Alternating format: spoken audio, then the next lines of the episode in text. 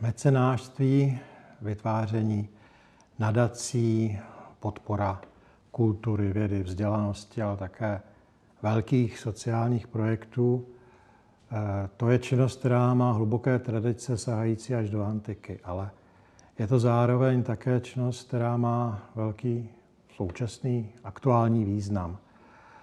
Eh, v celé Evropě a dalo by se asi říct v celém světě eh, podpora těchto oblastí státem různým způsobem vázne, eh, kolísá nebo je přinejmenším nejistá.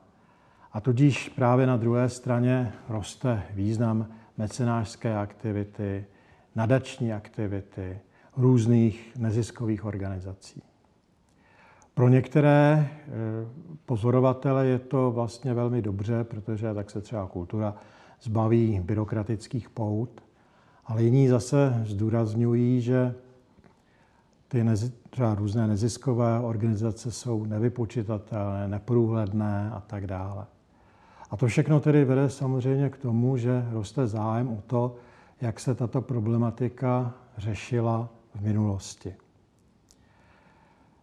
Náš výzkum, historický výzkum těchto otázek příliš daleko nepokročil. O to více je tedy důležité, že se můžeme opřít o výsledky německého bádání, které nám otevírá pohled do velké části střední Evropy, no a pak samozřejmě o bádání západoevropské, americké a, a tak dále. V těchto badatelských přístupech se většinou objevují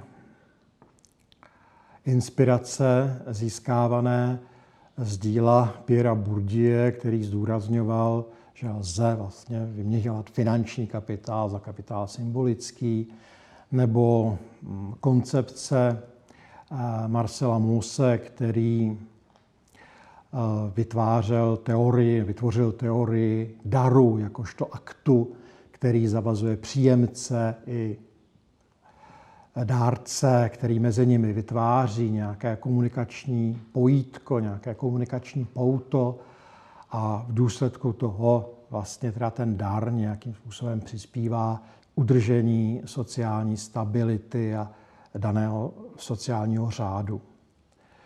Protože tedy můžeme recipovat výsledky tohoto světového a evropského bádání, tak také můžeme přistupovat vlastně k těmto otázkám hm, diferencovaně a kriticky a velice dobře si uvědomovat, že mecenářská aktivita není jenom teda nezištné dávání, a zároveň také často očekávání protislužeb, že mecenáši si svou aktivitou vytvářeli určitou síť kontaktů a mecenářská aktivita jim umožňovala proniknout do společnosti starých vrstev, přiblížit se panovníkovi nebo jiným mocným tohoto světa a v každém případě eh, budovat svou pověst nejen v současnosti, ale také i směrem do budoucnosti. Kdybychom se zaměřili na naše české mecenáše, tak bychom samozřejmě eh, naprosto jednoznačně na prvním místě narazili na Josefa Hlávku, který je takovým prototypem toho českého mecenářství. A Josef Hlávka zcela nepochybně zastínil všechny ostatní mecenáše. Někdy možná eh, i trochu je to vůči ním nespravedlivé, protože to byli také velice významní a koncepčně myslící lidé. Ale o, Hlávko bych teda, o Hlávkovi bych teda teď mluvit nechtěl, právě protože to je člověk už poměrně docela známý. A chtěl bych se zaměřit na takovou širší skupinu českých mecenášů, které můžeme poznat na základě jedné edice, která vyšla na počátku 20. století. Ta edice se jmenuje Studijní nadání v království českém a zahrnuje eh, zhruba 1100, 1100 nadací, eh, které pocházejí ty nejstarší až z 16. století a celá ta řada, jak jsem řekl, končí na počátku 20. století. Já bych tedy chtěl analyzovat jenom určitou část těchto nadací, a to nadace z druhé polovice 19. století. Těch nadací je 690, takže to je, myslím, docela dost velké a reprezentativní číslo. Takže nejprve bychom se asi ptali, kdo vlastně byli čeští mecenáši a z jakých sociálních vrstev mecenáši v této době, v té druhé polovici 19. století pocházeli. Samozřejmě v této době se setkáváme stále ještě se šlechtickými mecenáši, s církevními mecenáši, ale jejich počet je třeba ve srovnání s, prvním, s první polovinou 19. století poměrně malý. Zrovna tak eh, v té době se setkáváme s poměrně malým počtem eh, průmyslníků, podnikatelů a podobně. Eh, to zejména proto asi, že ty podnikatelé v té době potřebovali skutečně veškerý volný kapitál k rozšíření svých závodů, k expanzi svých podniků a tak na nějaké mecenářské činnosti neměli asi ani peníze, ale ani čas. Eh, ta doba eh, průmyslníků jako mecenášů přichází později, zhruba vždycky až v tak nějaké třetí generaci, kdy už ty podniky jsou etablované, mají pevné, pevné místo na trhu a jejich majitel, případně e, vlastník rozhodujícího balíku akcí se prostě může věnovat i nějaké jiné činnosti, než tomu přímému řízení vlastního podniku. E, takže e, mezi mecenáši, mezi mecenáši nalézáme především lidi, které bychom mohli charakterizovat jako majitele domů, majitele realit, případně rentiéry. A ještě více jsou, byli mecenáši lidé, které bychom mohli zařadit do skupiny eh, vzdělaného a bohovitého měšťanstva. To znamená eh, úředníci, vysocí úředníci, vysokoškolští učitelé, příslušníci různých svobodných povolání, jako lékaři, právníci a tak dále. To byli lidé, kteří měli poměrně značné příjmy, poměrně značné majetky a na druhé straně nebyli pod tím tlakem eh, rozšiřovat své podniky, nemuseli prostě investovat tedy své peníze do nějakých svých eh, podnikatelských aktivit a eh, ta mecenářská aktivita pro ně byla celkem přirozená, byla to vlastně činnost, která prostě souzněla s jejich životním stylem. Eh, proč eh, tito lidé se rozhodovali k tomu, aby zakládali nadace? Na to samozřejmě neexistuje nějaká jednoznačná odpověď, ale v zásadě se asi dá říci, že o tom rozhodovala jejich rodinná situace. Především to byli lidé, kteří buď neměli děti, nebo o ty děti nějakým způsobem přišli. A tak vlastně ty nadace často vlastně byly budovány a zřizovány na paměť jejich zemřelých synů a podobně. Eh, jestliže eh, jsem řekl, že vlastně nadace měly eh, připomínat příslušníky zem nebo zemřelé příslušníky rodiny, tak to platilo i v trochu širším hlediska, to nějakého trochu širšího hlediska. Eh, příjemci nadací, nebo výsledků nad, eh, výtěžku nadací, měli být především lidé, kteří byli eh, tomu zakladateli nadace nějak blízcí. Buď teda nějaký příbuzní, anebo třeba jeho rodáci, lidé, kteří se narodili buď ve stejném městě nebo ve stejném regionu a podobně.